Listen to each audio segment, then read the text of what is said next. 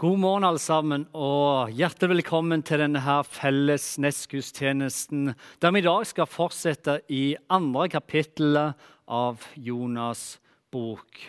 Og Det handler om denne her profeten, det handler om denne her gudsmannen som plutselig gjør noen ting som en ikke så komme. Og bare sånn vi har det med oss helt fra begynnelsen, Historien om Jonah er datert til ca. 750 år før Kristus. Og Om du går inn i andre kongebok i Bibelen, så vil du se at Jonah han var i grunnen en anerkjent profet. En profet som tredde fram for kongen i Israel. En Guds mann som var kjent for profetiene, og som folk anerkjente. Han ble lytta til, han ble regna med, så folk visste veldig godt hvem Jonah var. Han var en gudsmann, ja, han var en profet. Og det er bra å ha med seg når vi nå skal starte i dag. fordi det Vi skal gjøre, vi skal starte der pastor Gjelling Foss slapp sist gang. Han var i første kapittel av Jonas' bok, og Gud kaller på Jonah. Og Det vi leser da, er dette.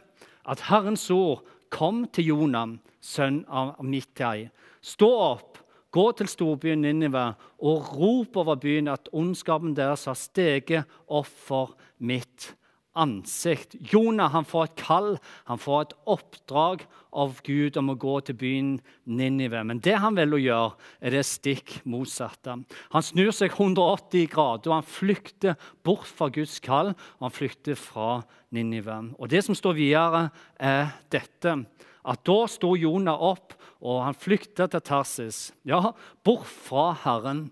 Han dro ned til Jaffa og fant et skip som skulle til Tarsis. Så betalte han for reisen og gikk ned i båten. Ja, han ville være med til Tarsis, bort fra Herren og bort fra Herrens oppdrag. Med andre ord så kan vi si det sånn at selv om Jonah visste godt hvem Gud var, han var en profet, han var en Guds mann, en anerkjent profet ja, Selv om han visste hva kallet var, så visste at folk i Ninive gikk fortapt. Så valgte han å rømme fra oppdraget, stikke fra ansvaret, snu Gud ryggen og stikke av gårde. Han var en gudsmann. Han var en anerkjent profet. Det var det folket kjente Jonah for. Mens her i Jonas' bok så leser vi om en profet og om en Guds mann som havner i skikkelig trøbbel idet han rømmer fra Gud. Han tar dårligere og dårligere avgjørelser og valg, og han viser en selvdestruktiv oppførsel med negative handlingsmønster, der den ene synden tar den andre. Og det er her vi i dag, når vi skal inn i andre kapittel av Jonas' bok, blir vitne til hvordan Gud griper inn i Jonas sitt liv. Vi blir vitne til Guds inngripen og hvordan Gud på en tøff måte, men likevel kjærlig måte, omfavner og henter Jonas tilbake fra den destruktive veien. Og Måten Gud gjør det på, er ganske tøff og det er ganske brutal, men det er kjærlighet. Gud griper inn, ikke for å straffe Jonah og ikke for å gi henne lærepenger, og heller ikke for å ta Jonah for noe som helst, men ene og alene fordi det var en nødvendig handling, en kjærlighetserklæring fra Gud, da Gud redda Jonah fra sin selvdestruktive vei. Tøff kjærlighet og en fars kjærlighet.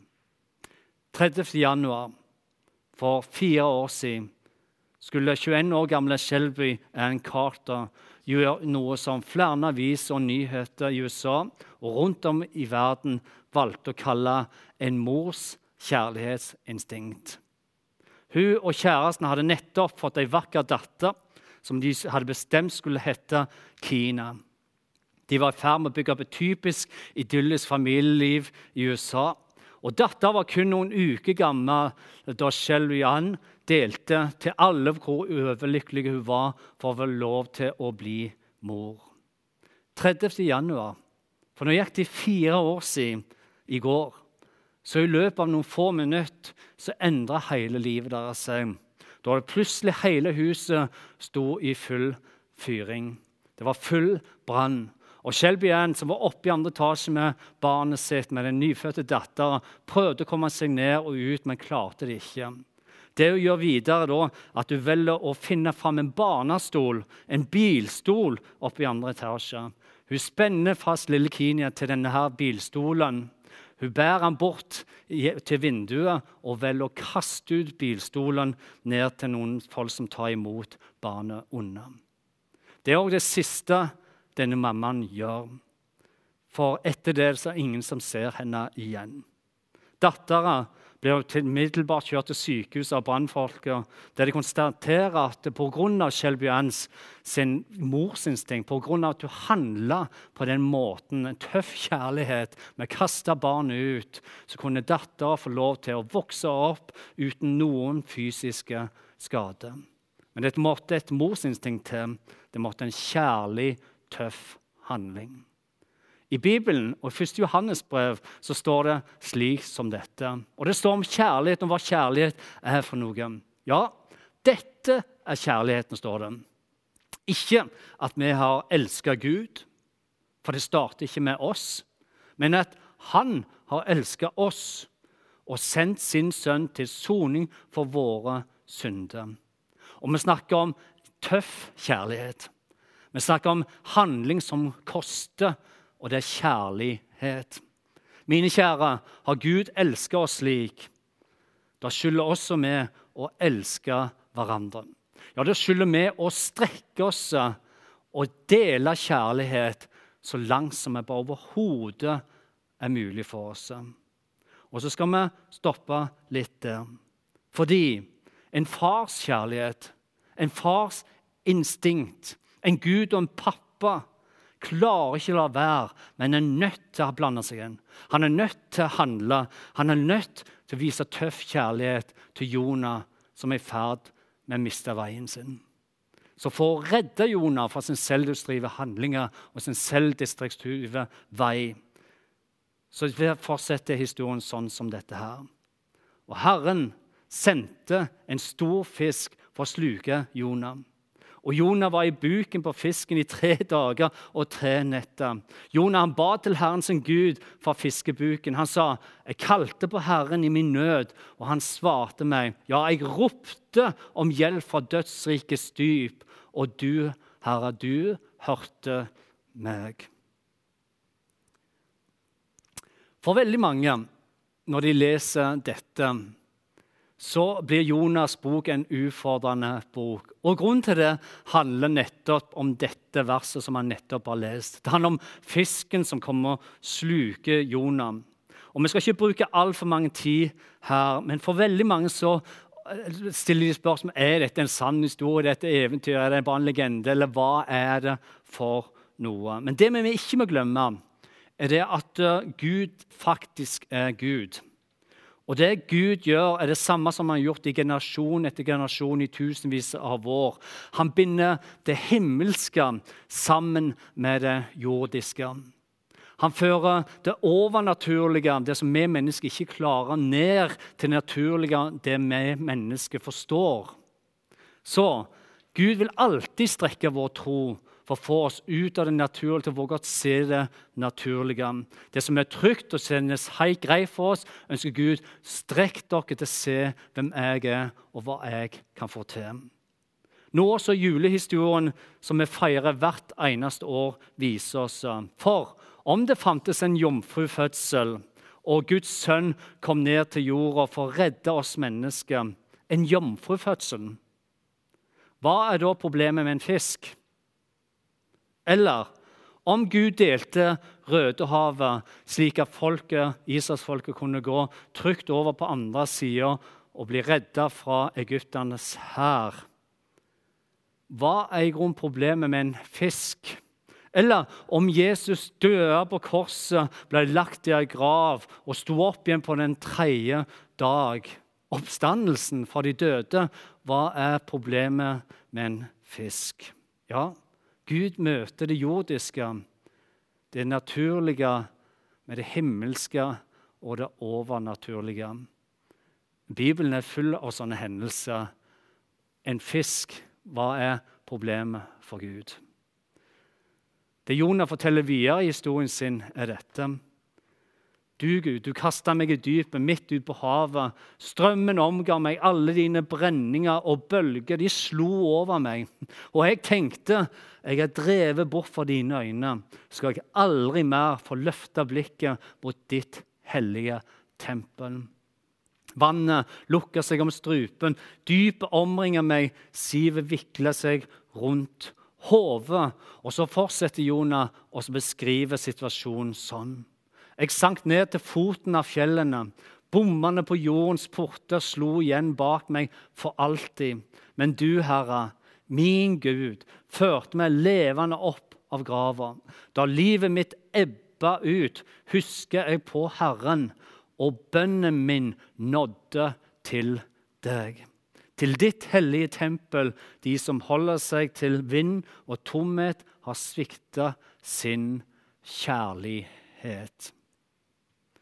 Og så velger Jonah å avslutte det hele med en hyllest og en takkesang. Dette som begynte som en liten bønn, ender til slutt opp med en tilbedelse og en lovprisning av Gud. Når Jonas sier, 'Men jeg vil ofre til deg med takkesang.' 'Det jeg har lovt, det vil jeg holde.' Frelsen kommer fra Herren. Da talte Herren til fisken, og den spydde Jonah opp på tørt land. Og Det vi kan lære av disse versene her i dag, er i hvert fall minst to ting.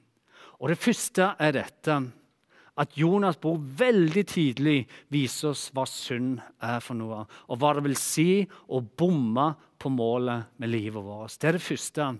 Men det andre som Jonas' bok også viser oss veldig tydelig, er dette.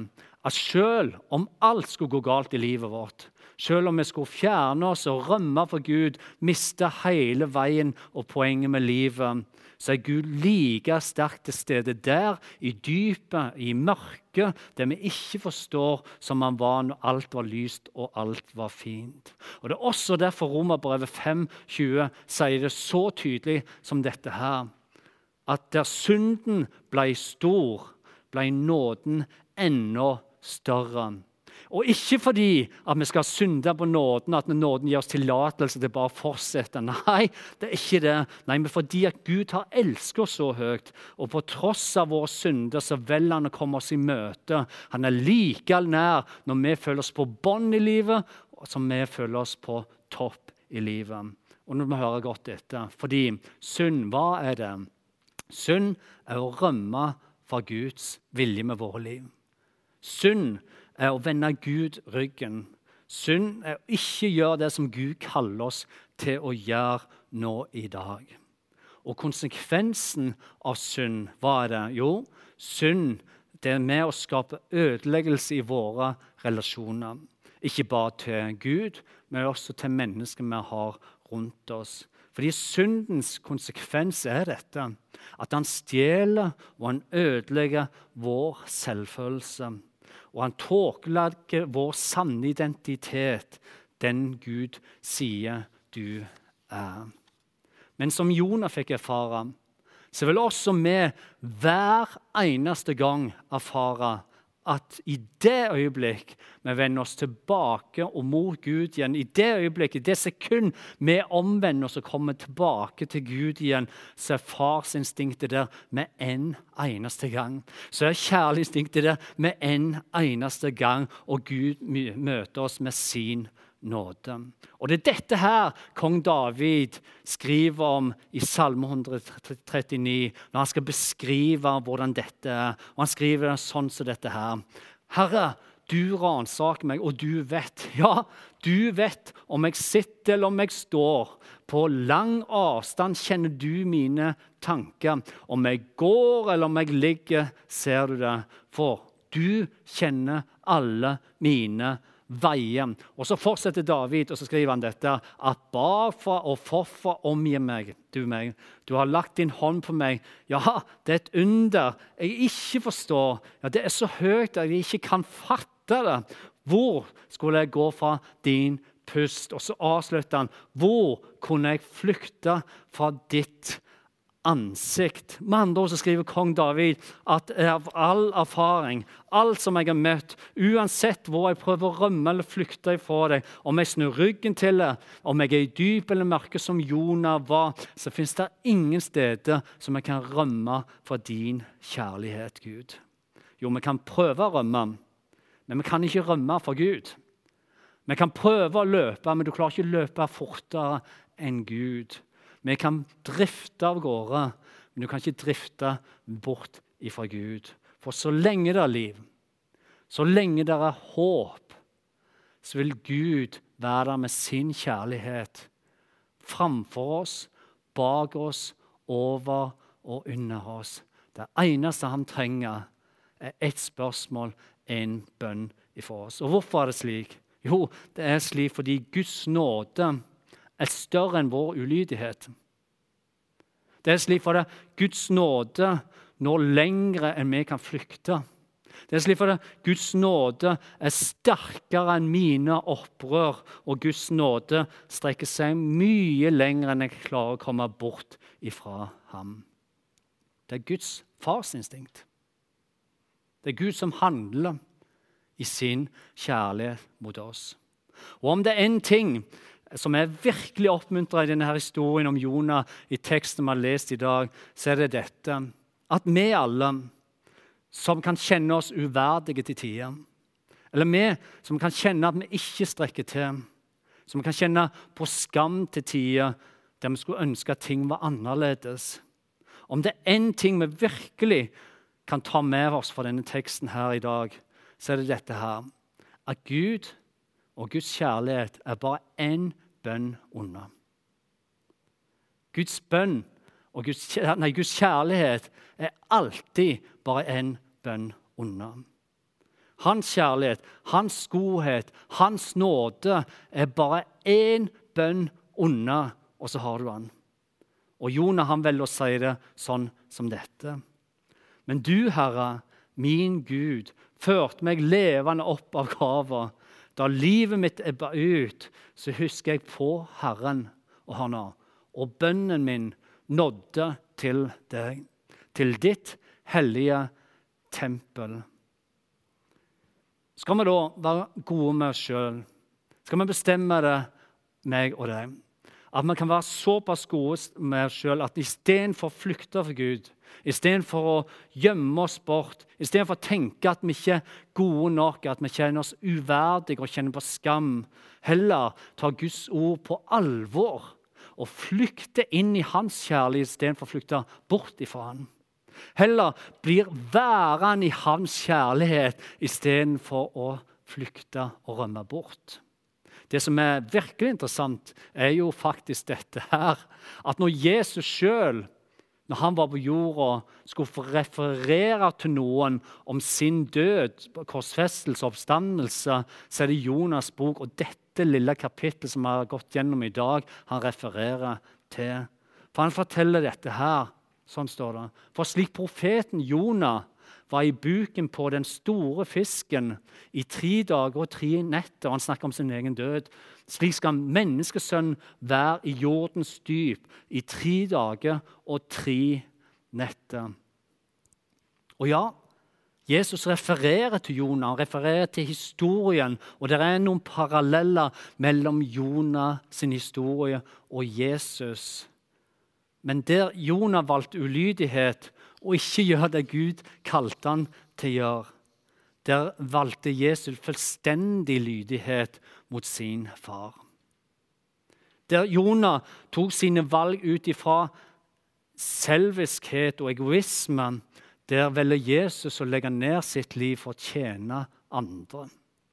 Der Jonah valgte å stå opp imot og ikke ønsket å gå inn i Niniva som Gud hadde befalt, der valgte Jesus og bøye seg ned for å redde mennesker, også i Ninive.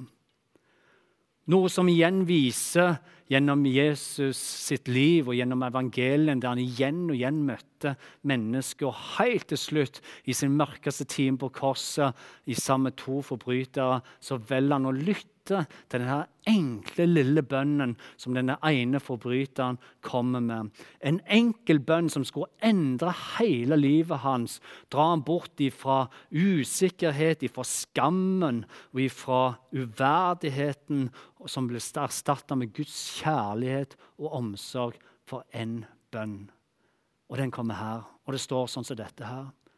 Forbryteren sier, 'Jesus' Husk på meg når det kommer til ditt rike.